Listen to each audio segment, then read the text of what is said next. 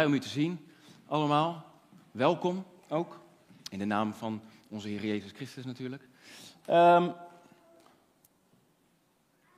ik ben blij dat u gekomen bent. U weet, de meesten weten, eh, zeker ook de mensen die er vorige week waren, die weten met welke preekserie we dit nieuwe jaar zijn begonnen. God heeft een plan met je geld.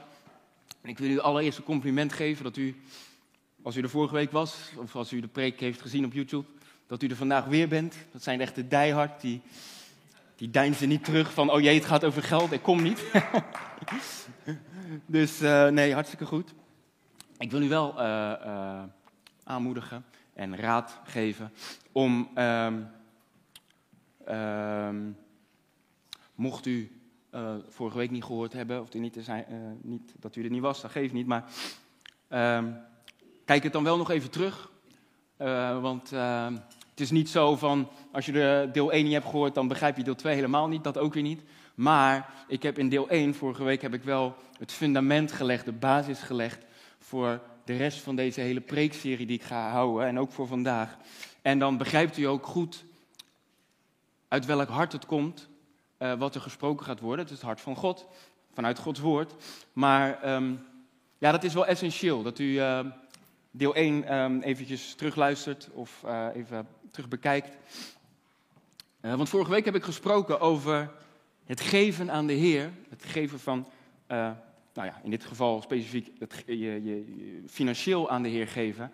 Dat het altijd moet komen, als het goed is, uit een bewogen en aangeraakt hart, door aangeraakt door genade van onze Heer Jezus Christus.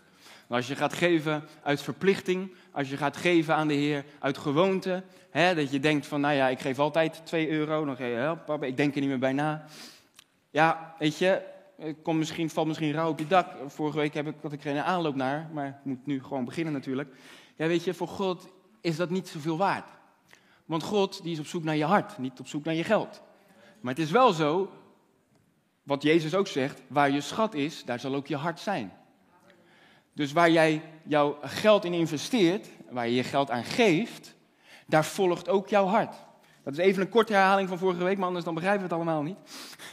um, wij denken vaak van ik hou van iets en daar geef ik mijn geld aan uit. Maar Jezus zegt het is precies andersom. Waar jij je geld aan uitgeeft, daar volgt ook jouw hart. Dus als jij je geld aan niet uitgeeft, weet dan dat een deel van jouw hart dat gaat volgen. Daarom is het voor een christen heel belangrijk veel meer uh, uh, uh, ja, ernstiger, gaat het dieper dan voor een ongelovige wat je met je geld doet en hoe je met je geld omgaat. Omdat jij een deel van jezelf gaat daarmee, met dat geld. En daarom is het zo belangrijk, want waar je schat is, dan zal ook je hart zijn. Maar goed, u weet dan in ieder geval, dus even de disclaimer voordat ik met deel 2 verder ga. U weet dat alles wat ik ga zeggen, ook vandaag alles wat ik ga uitleggen, weet dan Kijk, ik kan niet na elke zin kan ik zeggen van, maar het gaat om uw hart. Uh, maar het gaat om uw hart. Dan weet u dat van tevoren, het gaat om uw hart. Alles wat ik zeg, het gaat om je hart. Oké? Dat is even de, wat ik zei, de disclaimer van tevoren, anders dan uh, begrijpen we elkaar verkeerd. Um, goed, deel 2 van deze serie, en uh, dan gaan we nu echt beginnen. Um, die heb ik genoemd de test van je tienden. En over tienden of je tiende, of je tiende deel, daar, als jij uh, op Google dat uh, intikt, tienden, of in het Engels, tithes of tithing, dan van de eerste tien resultaten die je op Google vindt, heb je al twaalf meningen. Want elke gelovige, en ook ongelovige zelfs, die ervan weet, die heeft er een mening over. En die heeft er een interpretatie van. En die heeft, denkt er het zijne van. En weet je, ik ga hier niet zitten verkondigen van, oh, uh, ik pretendeer dat ik de enige waarheid heb. Maar wat ik wel weet, is dat God mij echt geleid heeft in zijn woord, door de Heilige Geest, wat hij vandaag tot ons wil zeggen, wat hij ook tegen mij heeft gezegd. En weet je, dan vertrouw ik erop dat het de waarheid van Gods woord is. En dan zal ik niet tegen u zeggen van, dat moet u, moet u geloven. Maar ik zeg wel tegen de Heilige Geest, Heilige Geest, overtuig ons allemaal van de waarheid van uw woord. Niet de waarheid van sprekers, niet de waarheid van wat u ooit eens heeft gehoord, maar ga er met een open en nieuwe, uh, nieuw hart in. Want als je hart nu al gesloten is, omdat je de titel van deel 2 ziet, ja, dan kan God niks doen. Snap je? Oké, dan uh, begrijpen we elkaar. Want geld, lieve broer en lieve zus, geld, of we dat nou willen of niet, speelt nou eenmaal een hele grote rol in ons leven. Zonder geld kunnen wij hier op deze aarde niet, ja, dat kunnen we niet. Of we dat nou leuk vinden of niet, dat kunnen we niet. Maar ik heb vorige week ook gezegd, geld is niet iets slechts. Hè? Geldzucht is iets slechts. De liefde voor geld, dat is slecht. Maar geld op zich is niet slecht. Sterker nog, het geld is van de Heer. En wat van de Heer is, is heilig. Dus geld op zich, dat is heilig. Als je het ook maar heilig gebruikt. En hoe doe je dat? Door geld te heiligen. Door geld apart te zetten voor de Heer. En dat is de test van je tiende. Daar begint het mee.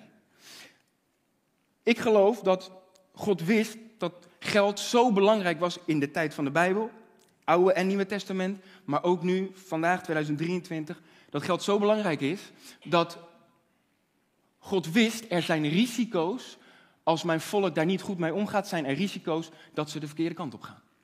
Of dat ze het verkeerde pad op gaan.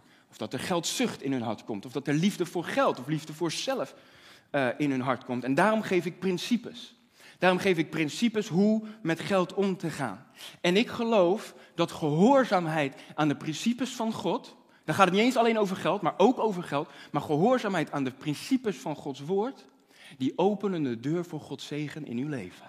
Die openen de deur voor Gods zegen over uw leven en ook over uw financiën, als u goed daarmee omgaat. Het gaat om gehoorzaamheid en gehoorzaamheid, heb ik al heel vaak gezegd, dat kan alleen maar uit een hart vol geloof komen. Gehoorzaamheid kan ook komen uit verplichting, maar dat is geen geloof en dat is geen gelovige gehoorzaamheid zoals God dat wenst.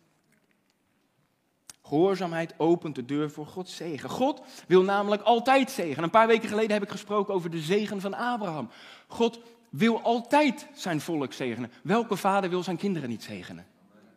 Is er een vader op deze wereld die zijn kinderen niet wil zegenen? Nou ja, oké, misschien wel, maar goed, maakt ook verder niet uit, want God is beter dan alle vaders in deze wereld. Dus God wil altijd zegenen. Maar of hij kan zegenen, dat is afhankelijk van onze gehoorzaamheid. Want God kan niet, God kan in principe alles, maar wat God niet kan, is iets onheiligs zegenen. Iets zondigs zegenen. Daar kan hij zijn zegen niet op leggen. En zo is het ook met je financiën. Als je daarin niet gehoorzaam bent, God wil het. Dus God zegt, oh alsjeblieft, doe het nou. Niet, niet uit verplichting, maar doe het nou. Want ik wil zo graag je de volheid van mijn zegen geven. En God bepaalt dat, ook vandaag en toen ook in de Bijbel. God bepaalt dat, in hoeverre Hij ons kan zegenen, bepaalt dat door een test. En dat is de test van je tiende. Want ieder van ons heeft een inkomen. De ene heeft een inkomen van een werkgever, de ander heeft een inkomen van de staat, de ander heeft weet ik veel wat. Maar iedereen heeft, krijgt als het goed is maandelijks of twee wekelijks, weet ik niet, maar de meeste mensen maandelijks denk ik, krijgen een inkomen. En door een inkomen uh, uh, is er increase, is er een verhoging van wat je op je rekening hebt. Zo simpel is het, ja toch? Er komt gewoon iets bij. Dus dat is een verhoging van uh, de status van, van, van je bankrekening of van je portemonnee. Nou, iedere keer dat er increase, dat er verhoging, iedere keer dat er inkomsten komen in je portemonnee of op je bankrekening, dan sta je voor een test. Elke maand. Of twee wekelijks, wanneer dan ook, dat je geld binnenkrijgt van je werkgever, van de, wat dan ook, uitkering, wat dan ook. Iedere keer als je inkomsten binnenkrijgt, dan sta je voor een test. Wie, en die test is, wie dank ik in de eerste plaats voor dat inkomen? Wie eer ik in de eerste plaats met dat inkomen? Wie aanbid ik? Wie prijs ik? Wie loof ik in de eerste plaats dat ik dat inkomen heb ontvangen? Eer je, prijs je, dank je eerst jezelf. Van, oh, ik heb zo zitten zwoegen deze maand. Ik ga mezelf eens verwennen, zeg. We gaan naar de McDonald's. Als dat voor u verwenning is. Verwennerij is. Of wat anders, maakt mij niet uit. Of eer je als eerste het wereldse geldsysteem, het Babylonische geldsysteem, door eerst je schulden af te betalen. Of door in de eerste plaats uh, uh, je hypotheek, uh, hè, van nou, als dat eraf is, oké, dan weet ik dat ik genoeg overhoud. Of geef je als eerst aan de Heer, zonder te weten wat je overhoudt, want je gelooft God voorziet. Daarom is het een test. Een test van geloof. Een test van gehoorzaamheid vertrouw ik dat de Heer voorziet. Nog voordat ik weet wat die maand mij gaat geven. Volgende week ga ik spreken over het principe van de eerstelingen, van het eerste geven. Dus ik moet niet te veel over eerste gaan vertellen vandaag, anders heb ik volgende week niks meer. Maar het, het is wel een test van geloof, geef ik eerst aan de Heer.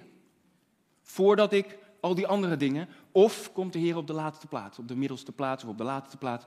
Oh, want ik, heb, ik zie alles is al afgeschreven, mijn zekering is afgeschreven, mijn hypotheek is afgeschreven. Ik heb ook nog eens even lekker naar de McDonald's geweest. Nu heb ik nog leftovers en dat is voor je God.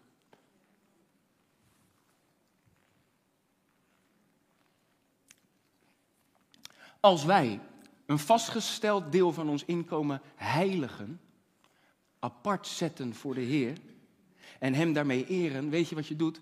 Hetzelfde met wat ik zei, schat en je hart. Je geeft een deel van jezelf aan de Heer. Je geeft een eerste deel van jezelf aan de Heer. Je geeft je hart aan de Heer. Ja, maar Jordi, ik heb mijn hart al aan de Heer gegeven toen ik tot bekering kwam. Ja, maar iedere dag, als ik opsta, ik weet niet hoe het met u zit, maar dan stap ik met mijn been uit bed en dat is eh, 9 van de 10 keer mijn goede been. En dan sta ik uit mijn bed en dan zeg ik, Heer, dank u voor deze dag. Dat ik leven mag. En Heer, laat alles wat ik doe, wat ik zeg, laat het tot eer zijn van uw naam vandaag, Heer Jezus. Maar neem deze dag in uw handen en leid mij, Heilige Geest. Ik geef mijn, het eerste deel van mijn dag geef ik aan de Heer. Want ik wil dat de rest van de dag gezegend wordt. Nu ga ik al veel te veel zeggen over deel 3. U weet de clue al van deel 3. Uh, eh, niet, uh, niet doorvertellen. Het is een test. Het is allemaal een test. Want wist je, broer, wist je zus, dat het getal 10 in de Bijbel het getal van testen is? Wist je dat door de Bijbel heen, als je het getal 10 ziet, dan is de kans groot dat het gaat om een beproeving. Beproeving van geloof, een test van geloof. Een test van je vertrouwen, een test van je gehoorzaamheid. Want vertel mij eens, hoeveel, dit is, ik begin met de moeilijkste vraag denk ik, het is voor de echte Bijbelquizkenners. Hoeveel generaties zaten er tussen Adam en Noach? Adam, toen de zondeval kwam, en dat God gaf een aantal generaties de tijd, omdat God wilde zien, misschien dat ze van die zondeval zich zouden bekeren en dat het beter zou gaan. En dat ze achter mij aan zouden gaan en hun hart aan mij zouden geven. Totdat ze bij Noach kwamen en God dacht, dit kan niet meer verder zo. Zondvloed. Hoeveel, hoeveel generaties tussen Adam en Noach? Testen van hun gehoorzaamheid. Testen van komen ze terug bij mij. Tien generaties. Hoeveel geboden waren er? Makkelijke vraag. Voor de, voor de minder vergevorderde Bijbel. Hoeveel geboden waren waar de, de gehoorzaamheid van het volk Israël werd getest? Tien geboden. Hoeveel plagen waren er in Egypte? Ook een makkelijke vraag als je de Prince of Egypt hebt gezien. Hoeveel plagen waren er in Egypte waarmee het hart van de farao werd getest? Of hij wel zijn, het volk van Israël wilde laten gaan. Tien plagen. Tien, het getal van testen. In het Nieuwe Testament, toen Jezus zijn bediening was gestart, hoeveel melaatsen kwamen er bij Jezus? Om te zeggen, Heer, uh, uh, reinig mij van mijn melaatsheid, genees mij tien melaatsen. En Jezus wilde daarmee testen hoeveel van die tien er terugkwamen. Weet je hoeveel dat waren? Een tiende. Eén. Van die tien, tien procent. Moet ik nog meer uitleggen over de tiende? U ziet het, hè? Het patroon. Van die tien kwam er maar één. Ze werden alle tien getest, maar één kwam in dankbaarheid terug bij Jezus. Dank u, u bent Heer.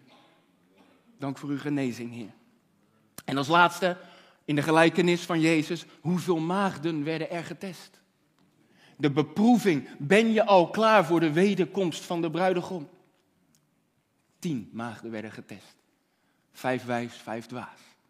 Tien is het getal van testen. En daarom tiende, tienden geven, tiende brengen naar Jezus, naar God. Dat is een test, een test van ons hart, van gehoorzaamheid, van geloof. En door het wel of niet slagen voor die test, iedere maand. Het wel of niet slagen voor die beproeving, iedere maand. Daardoor en daarmee bepaalt God, kan God bepalen of Hij jou de volle zegen kan toevertrouwen die Hij je wil geven. Hij wil geven, maar Hij wil kijken, is mijn kind een goede rentmeester, een goede beheerder van de zegen die ik wil geven? Want ik wil al mijn zegen geven, dat zegt de Heer, weet ik zeker, voor u allemaal. Maar als je al niet, niet eens goed om kan gaan met geld, dan weet God, dan kan ik op dit moment nog niet alles geven wat ik wil geven. Het principe van tiende, het is niet bedacht door mensen. Het is niet bedacht door, door een spreker die voor zijn kerk ineens geld nodig had. Van, oh, we hebben lekkage. Ik spreek uit ervaring. We hebben lekkage, we hebben 30.000 euro nodig. Dus geef. Nee, nee, nee, nee, nee. Geef uit je hart en God zal voorzien. Heeft hij gedaan. We hebben een nieuw dak. We hebben, nou ja, alles. Oké, ik kan hem over getuigen. Dat komt de volgende keer wel. Maar prijs de Heer in ieder geval. Maar mm, het is niet door mensen bedacht. Het is ook niet door een spreker bedacht die geld nodig had voor zijn bediening. Of zo. Nee, het is Gods instelling. Het is Gods plan. Het is Gods orde, Gods verordening, Gods principe. En dat geldt voor iedereen. En dat geldt voor elke tijd. En eh, ik weet dat er heel veel christenen zijn die, die van mening zijn dat het dat, dat, oh, dat is. En dat is van de wet, of dat is wettisch. Of dat is, uh, hè, dat is oud, een uh, oud-testamentisch. En dat is onder het oude verbond. En dat geldt niet meer in het Nieuwe Testament. Dat geldt niet meer onder het nieuwe verbond. Dat geldt niet meer na de wet. Want Jezus kwam de wet verbreken. Nou, ten eerste, Jezus kwam niet om de wet te verbreken, maar om de wet te vervullen. Dat is heel wat anders dan verbreken. Dat is al de eerste fout die heel veel mensen maken. Oké, maar ik ga het je uitleggen, allemaal. Want heel veel christenen denken dat, hè, dat het iets uit de wet is. Maar ga nou goed onderzoeken. Want wie was de allereerste in de Bijbel die zijn tiende gaf. Abraham. Abraham. Was dat in de tijd van de wet? Nee. Dat was eeuwen voordat er überhaupt iets van een wet was. bijna 500 jaar voordat de wet van aan Mozes werd gegeven, was het Abraham die als eerste zijn tiende aan een priester gaf. Dus, dus, dus van dat het wettisch is, ja, het staat ook in de wet, maar het bestaat al veel langer. Dus dat, dat, dat, dat gaat al niet op. Dat gaat al niet op. Het is niet iets van de wet, ja, het staat ook in de wet, maar het was daarvoor. Laten we, laten we gewoon lezen.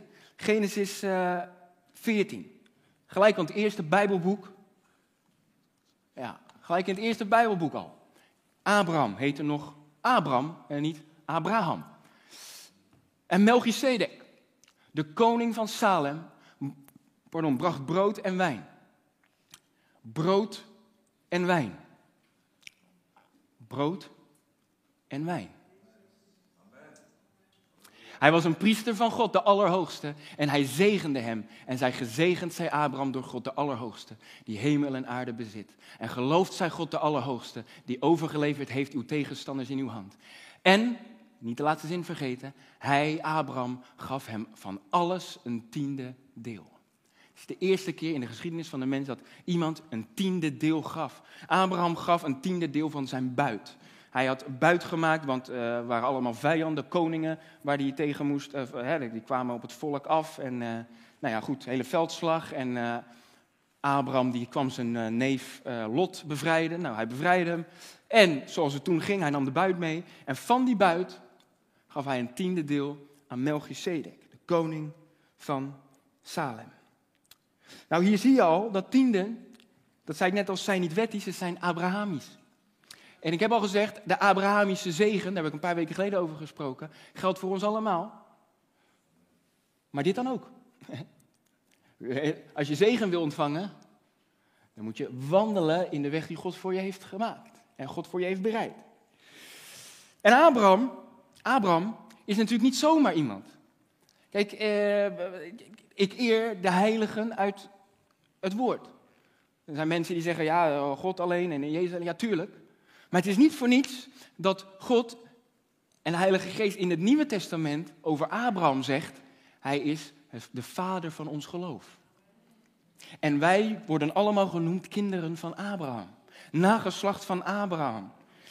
Abraham is nou het voorbeeld die ons is voorgegaan in geloof in geloof stappen toen hij zijn zoon Isaac moest offeren. Nou, als dat geen geloof is en vertrouwen op de Heer, als dat geen gehoorzaamheid is, zelfs tot.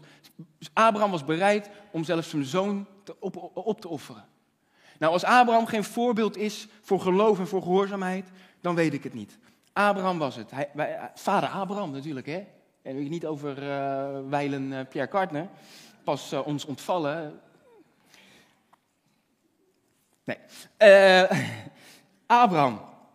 Ook geloofsvader Abraham. Nou goed, uh, kort te zijn, dat deel is duidelijk. Hè? Wij zijn kinderen van Abraham en Abraham was ons voorbeeld en hij gaf als allereerste mens een tiende deel van zijn inkomen, van de buit. Dat deel is duidelijk. Maar wie was nou die Melchizedek? Wie was nou die Melchizedek? Koning van Salem, priester van God. En hij bracht brood en wijn. Brood en wijn.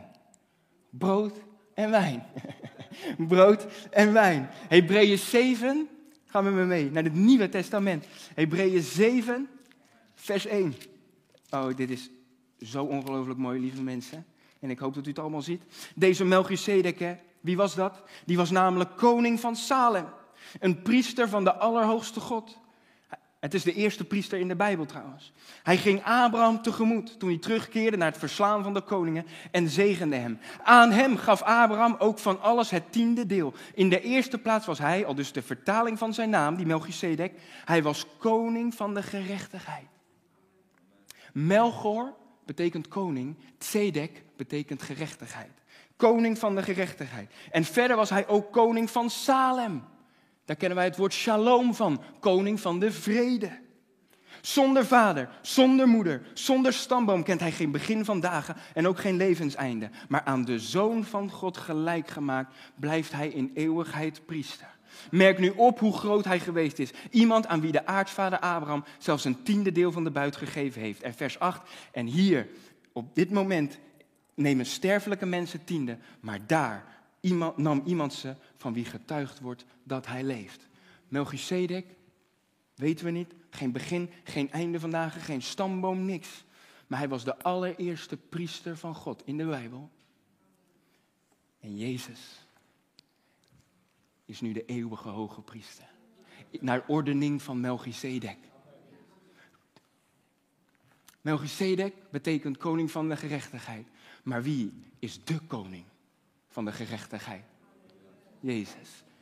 Melchizedek, koning van Salem, koning van Shalom, koning van de vrede. Maar wie is op dit moment de eeuwige vredevorst? Jezus. Dus weet één ding, lieve broer, lieve zus. Als jij je tiende brengt naar het voorraadhuis. Dat is niet zomaar, ik geef aan de kerk. Of dat is niet, ik geef aan mensen. Je brengt je tiende. Heel reëel is dat. Iedere maand als je je tiende brengt en je of, of je offers geeft, dan breng je dat naar Jezus zelf. Jezus zelf neemt het in ontvangst. Dat is iets heiligs.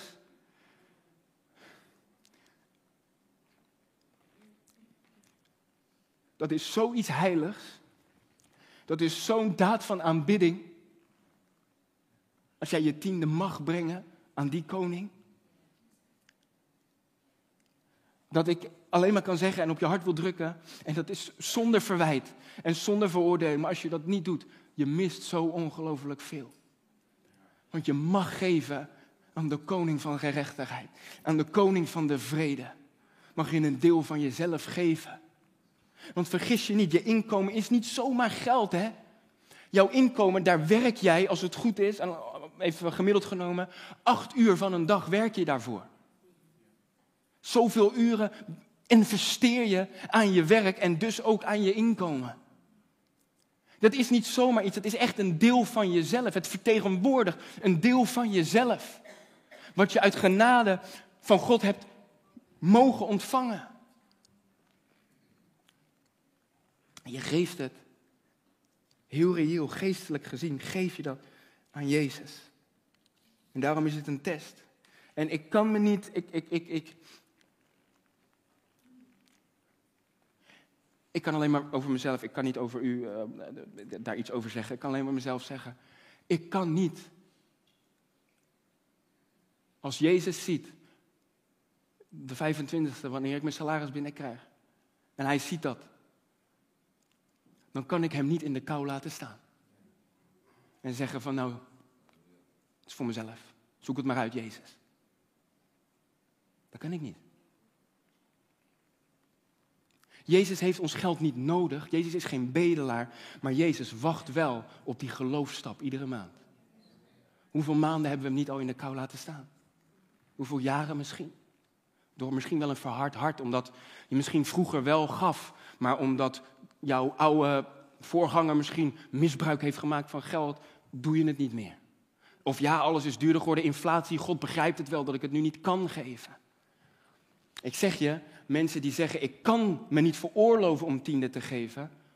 Ik ga het pas geven als ik het kan veroorloven. Weet je hoe krom dat is?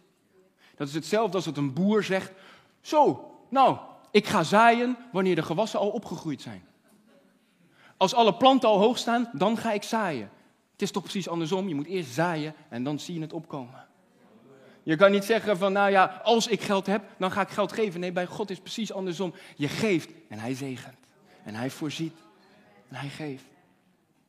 Omdat hij een goede vader is, waar we over gezongen hebben. Tiende brengen is de erkenning, en dat zien we bij Abraham, en dat is nu nog steeds iedere keer als we aan Jezus geven. Tiende brengen is de erkenning, u bent hoge priester van mijn leven. U bent koning van mijn leven en u bent heer van mijn leven. Ik erken u als heer van mijn leven en daarom vertrouw ik u alles wat ik heb, vertrouw ik u toe. En begin ik mee met, die, met het tiende deel van mijn inkomen. Tienden zijn iets heiligs, iets goeds. Iets goeds. Het was goed voor de wet, het was goed tijdens de wet en het was goed nadat Jezus de wet vervulde. Ja, is dat zo, Jordi? Want we leven niet meer onder de wet, we leven onder genade. Dus wat bedoel je nou? We leven toch onder een beter verbond? Dus daarom geef ik niks meer, want het hoeft niet meer. Weet je wat ik altijd probeer te zeggen in heel, in heel veel, met heel veel liefde? Probeer ik, ik, ik ga niet een heel, uh, kijk, ik kan het helemaal bijbels gaan uitleggen, maar goed, dat is meestal niet de allereerste uh, actie die ik doe. Maar dan zeg ik dan, oké, als je nou gelooft hè, dat jij daadwerkelijk onder een nieuw en beter verbond leeft dan het oude verbond. Wat ook echt zo is. Het is een nieuw en beter verbond door het bloed van Jezus Christus. Het is beter.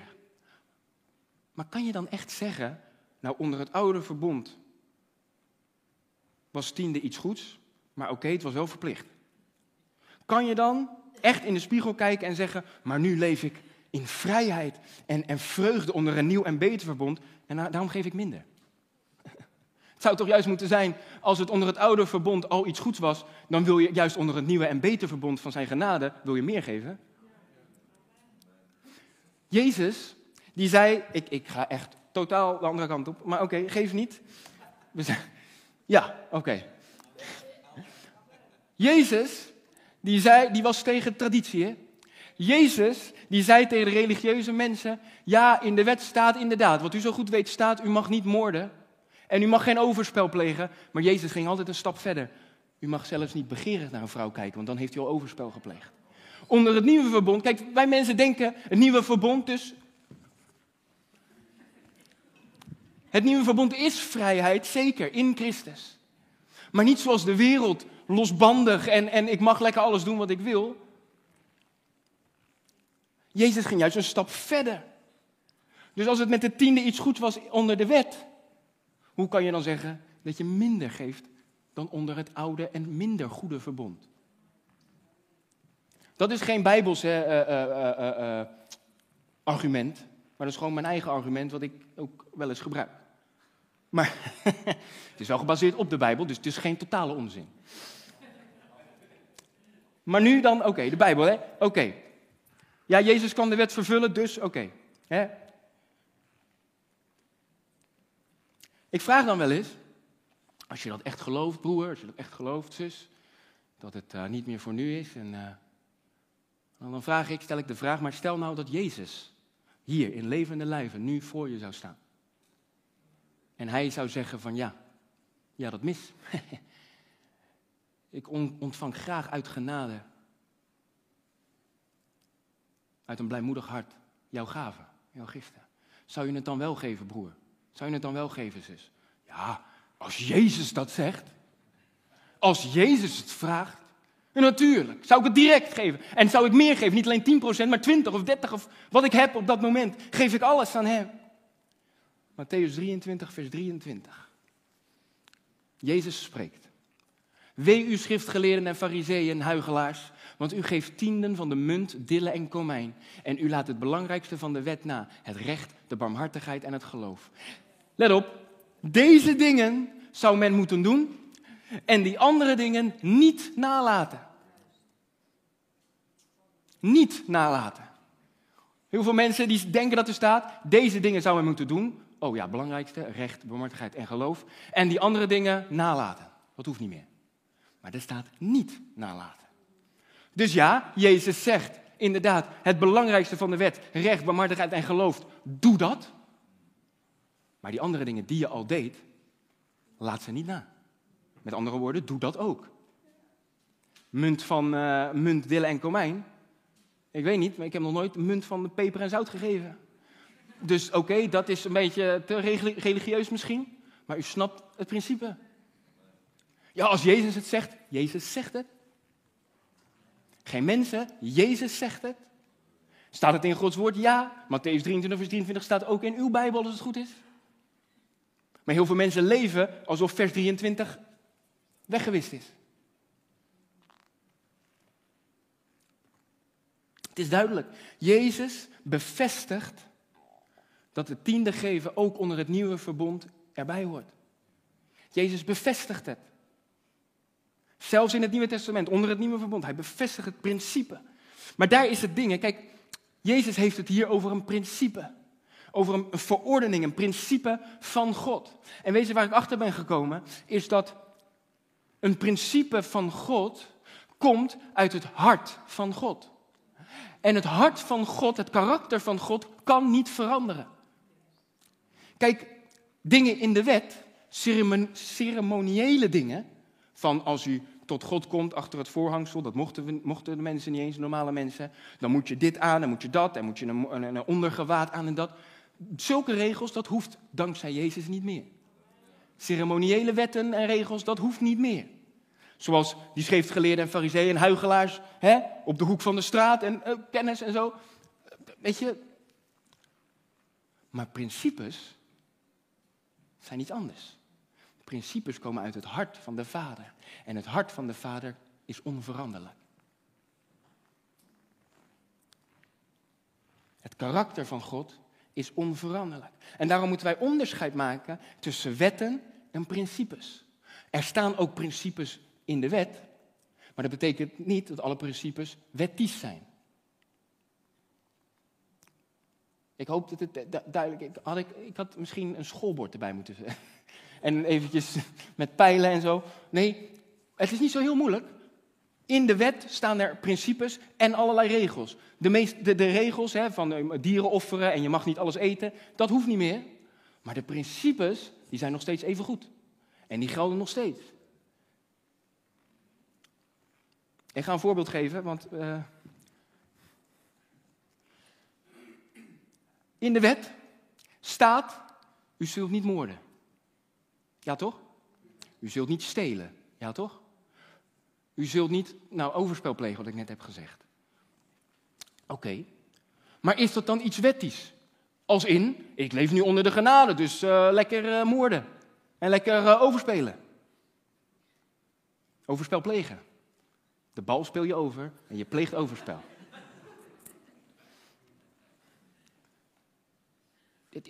U snapt wat ik bedoel, toch? Dat zijn principes die ook in de wet staan, maar het is nog steeds een principe, toch? We gaan toch niet zitten stelen? We gaan toch niet uh, zitten moorden? Of, of overspel plegen? Nee, dat is nu nog steeds, geldt nog steeds zo. Je kan toch niet zeggen, ja, maar dat staat in de wet, dus uh, daar hoef ik me niet aan te houden, uh, Jordi? Tuurlijk niet. Dan denk je van, oh, wat is dit voor een, een, die spreker, die, weet je wel? Dat is toch logisch? Ja, het is logisch. Maar leven we dat ook echt uit? Of verschuilen we ons daarachter alleen maar als het ons uitkomt? Ja, moorden doe ik toch niet. Overspel plegen doe ik toch niet. Stelen doe ik toch niet. Ja, tiende geven. Ja, nou ja, goed. Dan schuif ik dat ook maar onder de wet, want dan hoeft dat niet meer. Maar het is geen wet, het is een principe van God. Want we hebben gezien dat het al een principe was in de tijd van Abraham. Al ver voor de wet. En ook bij Jezus, hebben we gezien. Dus dat argument, dat tegenargument gaat al niet meer op. Het karakter van de Heer kan niet veranderen. Dat heb ik al gezegd. Het is een universeel principe. Het brengen van tienden en offers is een onveranderlijk, universeel principe, ingesteld door een onveranderlijke God. Van karakter, een onveranderlijke God. Ga met me mee naar Misschien wel de, het Bijbelgedeelte, de, het schriftgedeelte. Waar heel veel mensen bang voor zijn of overheen lezen. En dat is Malachi 3. En ik heb u gezegd, God is een onveranderlijk God. En God wist dat er in die tijd, en ook vandaag de dag, God wist dat er mensen waren die zouden proberen te draaien, te draaien en zo te draaien. Dat sommige dingen die niet in hun straatje past, dat dat niet meer hoeft. Dingen die wel in hun straatje past, dat ze zich daar wel aan willen houden, omdat dat niks kost en dat kost wel wat. God wist dat en daarom begint hij in vers 6 van Malachi 3 met een statement. En hij zegt, voordat hij over tiende en hefoffers gaat beginnen, zegt Jezus, zegt God, want ik, de Heere, ben niet veranderd. Gewoon gelijk al, boem, daar heb je hem al, knal. Ik ben niet veranderd. Er staat, ik ben niet veranderd, in de andere vertaling staat, ik verander niet. Met andere woorden, ik zal nooit veranderen. Want ik ben die ik ben. Als ik kon veranderen, zegt God dan hè, natuurlijk, ik, als ik kon veranderen, dat betekent dat ik beter zou kunnen worden. Of slechter zou kunnen worden van karakter. Maar God zegt, ik ben die ik ben, want ik ben perfect. Ik hoef niet te groeien, ik hoef niet beter te worden, ik ben wie ik ben. Ik ben onveranderlijk. Uw God is onveranderlijk. En hij zegt dat niet voor niks. Ik, de Heer, ben niet veranderd. U bent daarom niet omgekomen. Want ik ben een genade God. Daarom bent u niet omgekomen, want sinds de dagen van uw vaderen bent u afgeweken van mijn verordeningen, van mijn principes. En u hebt ze niet in acht genomen. Dus keer terug naar mij en ik zal naar u terugkeren, zegt de Heere van de legermachten. En dan komt de reactie die wij vaak als mensen geven. Mensen die vaak denken, ik doe al genoeg. En ik ben al, weet je wel, ik ben er al. Ik ben al geestelijk genoeg. Ja, maar Heer, wat bedoelt u nou? In welk opzicht moet ik terugkeren? In welk opzicht moeten wij nou terugkeren? En dan zegt God, zou een, zou een mens God beroven? Werkelijk, u berooft mij. En ik wil, voordat we verder lezen, ik wil dat je goed beseft wie dat zegt. Geen mens zegt dat, ik zeg dat niet. Zij van mij maar helemaal weg. Ik zeg dat niet. God, de Heer van de legermachten staat er, die zegt dat, hè? Geen mens. Ga niet achter een mens aan, ga het niet doen omdat een mens het zegt, maar omdat God tot je hart spreekt. Werkelijk, u berooft mij. Volgende. En dan zegt u, ja, maar waarvan beroven wij u? Waarvan? We doen toch wat u wil. En God zegt van de tienden en het hefoffer. U bent, de consequentie is, u bent door de vloek getroffen, omdat u mij berooft, als volk in zijn geheel. U bent door de vloek getroffen. U bent door de vloek getroffen. Ja, maar Jordi, je hebt ook gezegd een paar weken geleden toen je het had over de zegen van Abraham, dat Christus aan het hout is gegaan en ieder die aan een hout hangt is voor mij vloek geworden. Dus ik kan toch niet meer onder een vloek zijn? Lieve broer, lieve zus. Toen Jezus stierf en opstond uit het graf, heeft hij de macht van de zonde verbroken over u en in uw leven. Maar zondigt u nog wel eens?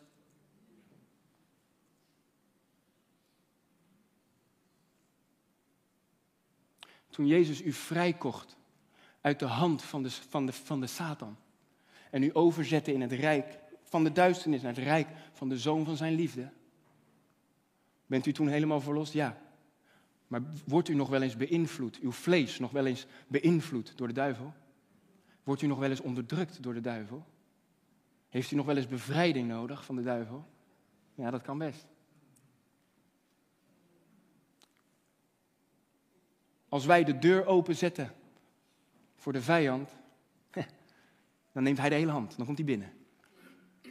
Als wij de deur openzetten door onze ongehoorzaamheid, door structurele ongehoorzaamheid, door, door een ongehoorzame levensstijl, ook hierin, in de financiën, dan zetten we een deur open. En dan kan er weer, terwijl het niet Gods bedoeling is, terwijl God ons eigenlijk vrijgekocht heeft van de vloek, kan er weer een vloek over u komen. En over uw huis, over uw geld, over uw financiën. En dat kan doorwerken. In uw huis, op uw gezondheid. Vind ik dit leuk om te zeggen? Nee, maar is het nodig om te zeggen ja? Want heel veel christenen leven uh, uh, uh, alsof de duivel helemaal niet meer bestaat. En of wij niet als christenen niet nog beïnvloed kunnen worden door de duivel. Of dat we niet onder invloed kunnen zijn van een, van een, van een vloek. Ja, dat kan. Dat kan.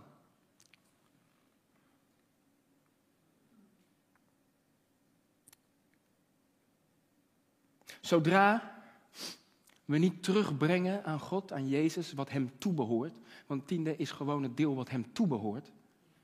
Wat van Hem is. En als we dat niet doen, dan roven we iets weg van God. Zetten we de deur open voor de vloek. En zijn er consequenties?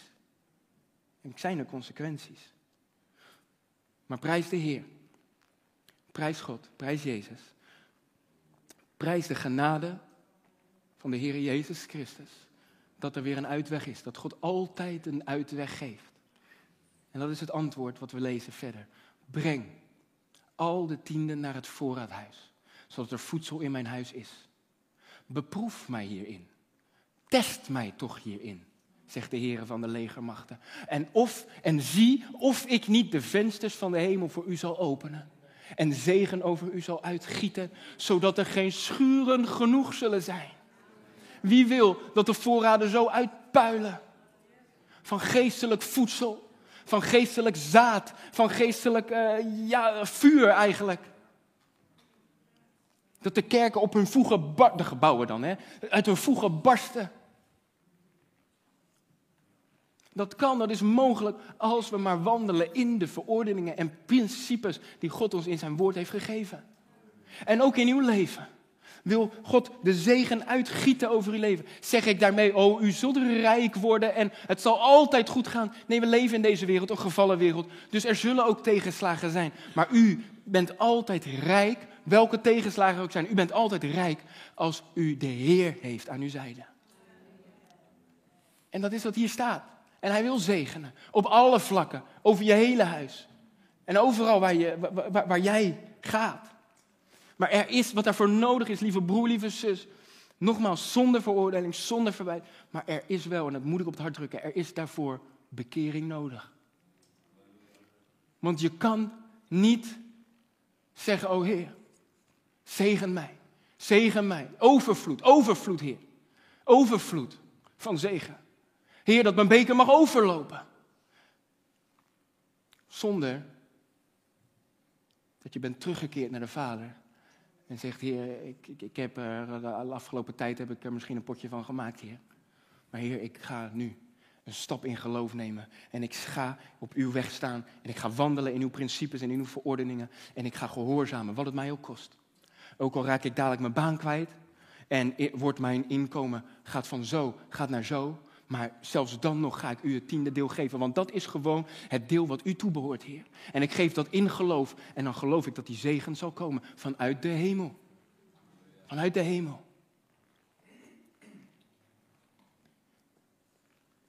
Er is bekering mogelijk. Maar doe het dan. Bekeren is vergeving vragen, maar ook omdraaien. Wel wat anders doen. Dus als je dat niet hebt gedaan, breng daarna dan wel al die tienen naar het voorraadhuis. Je kan niet vragen, oh vergeef mij. Kijk, als je straks, en we gaan bidden en, we, en je komt tot de Heer, en, jezelf, jij en de Heer, en je vraagt om vergeving. Maar als jij toch al weet dat jij je gedrag niet gaat omkeren, dat is geen bekering. Vergeven vragen kunnen we allemaal, maar we moeten ook omkeren. En het goede doen. Want als je toch in hetzelfde blijft, dat is geen bekering. Maar er is, het, er is wel mogelijk. Die vergeving en die genade, die is vrij en die wil God je geven vandaag. Wat ik nog wel wil zeggen, breng je tiende naar het voorraadhuis. En ik wil daar heel duidelijk in zijn. En misschien denk je van, ja, het is logisch dat jij dit nu zo gaat uitleggen, want jij bent uh, junior van deze gemeente. Dus ja, het gaat, om jou, het gaat om jouw kerk, het gaat om jouw gebouw, het gaat om jouw gemeente. Breng al je tienden naar het voorraadhuis. Je voorraadhuis is daar waar jij geestelijk je voeding haalt. Je voorraadhuis, dat is waar al het graan werd opgeslagen, waar al het zaad werd opgeslagen, waar je naartoe ging om je eten te halen. Het voorraadhuis is de gemeente, de lokale gemeente waar jij geplant bent, waar jij deel van bent. Daar horen jouw tienden thuis. Andere gemeenten, andere bedieningen, ja, prijs de Heer, geef. Geef en geef en zaai in het koninkrijk van God. Zaai, zaai, zaai, zeker. Maar dat zijn niet je tienden, dat zijn offers.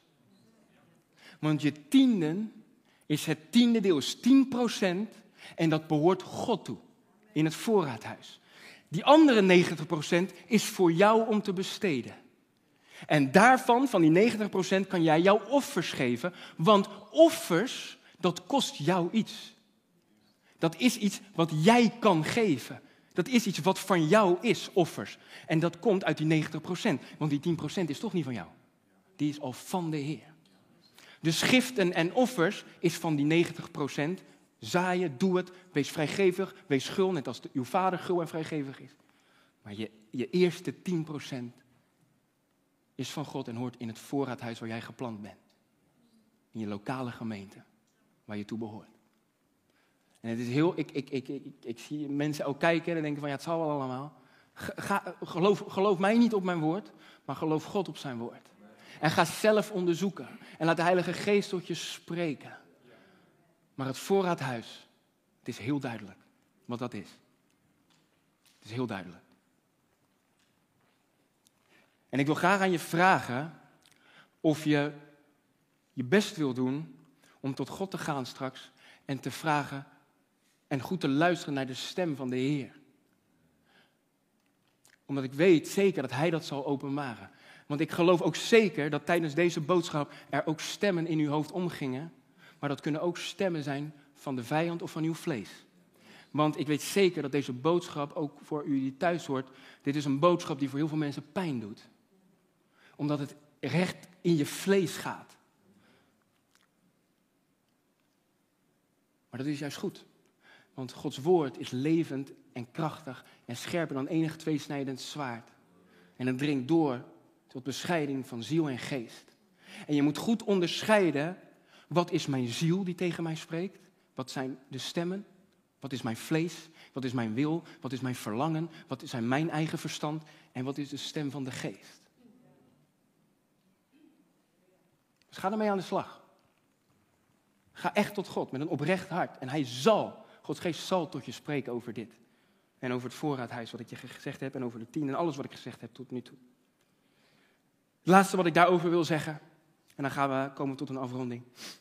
Het is logisch, wat ik net al zei. Offers, dat kost jou wat. Dat komt uit dat deel wat van jou is, die 90%. Die 10% is van de Heer. En daarom zie je ook, iedere keer als er over tiende wordt gesproken in de Bijbel, dat er niet staat, geef je tiende, maar er staat, breng je tiende naar het voorraadhuis.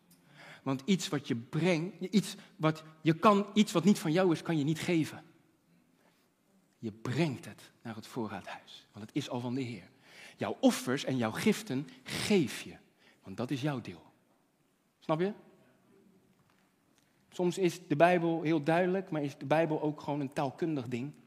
En ik ben God dankbaar dat ik uh, dat taal altijd uh, een goede negen was, zeg maar. In tegenstelling tot scheikunde en natuurkunde, maar daar hebben we in de Bijbel toch, uh, nou ja, goed. Maakt niet uit. Uh, de alle wijsheid is van de Heer, de dwaasheid van deze wereld, hè? maakt allemaal niet uit. Goed. En als laatste zegt de Heer dus, beproef mij toch hierin. Test mij.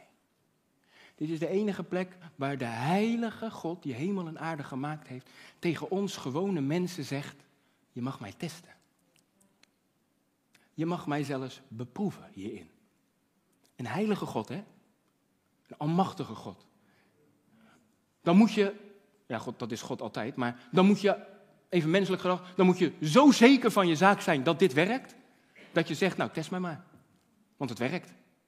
Beproef mij maar. Want wat ik zeg, dat is de waarheid. Beproef me maar, test mij maar. En dat vind ik zo mooi. We zijn begonnen met de test van je tiende. Het is een test voor ons. Test van ons geloof, test van ons vertrouwen in de Heer, test van onze gehoorzaamheid. Maar tegelijkertijd mogen wij daarin ook God testen. En God beproeven. Hij zegt, test mij hierin. En uh, of ik niet de vensters van de hemel voor u zal openen en zegen over u zal uitgieten, zodat er geen schuren genoeg zullen zijn. En er is nog een dubbele belofte, want niet alleen zal hij uh, die vensters openen, volgende, hij zegt, ik zal ook nog eens een keer ter wille van u de kaalvreter bestraffen, zodat hij de vrucht van de aardbodem bij u niet te gronden richt en de wijnstok op het veld bij u niet zonder vrucht zal blijven, zegt de Heer van de legermachten. Alle heidenvolken zullen u gelukkig prijzen, want u zult een aangenaam land zijn, zegt de Heer van de legermachten. Dubbele belofte. Hij haalt je weg onder de vloek vandaan.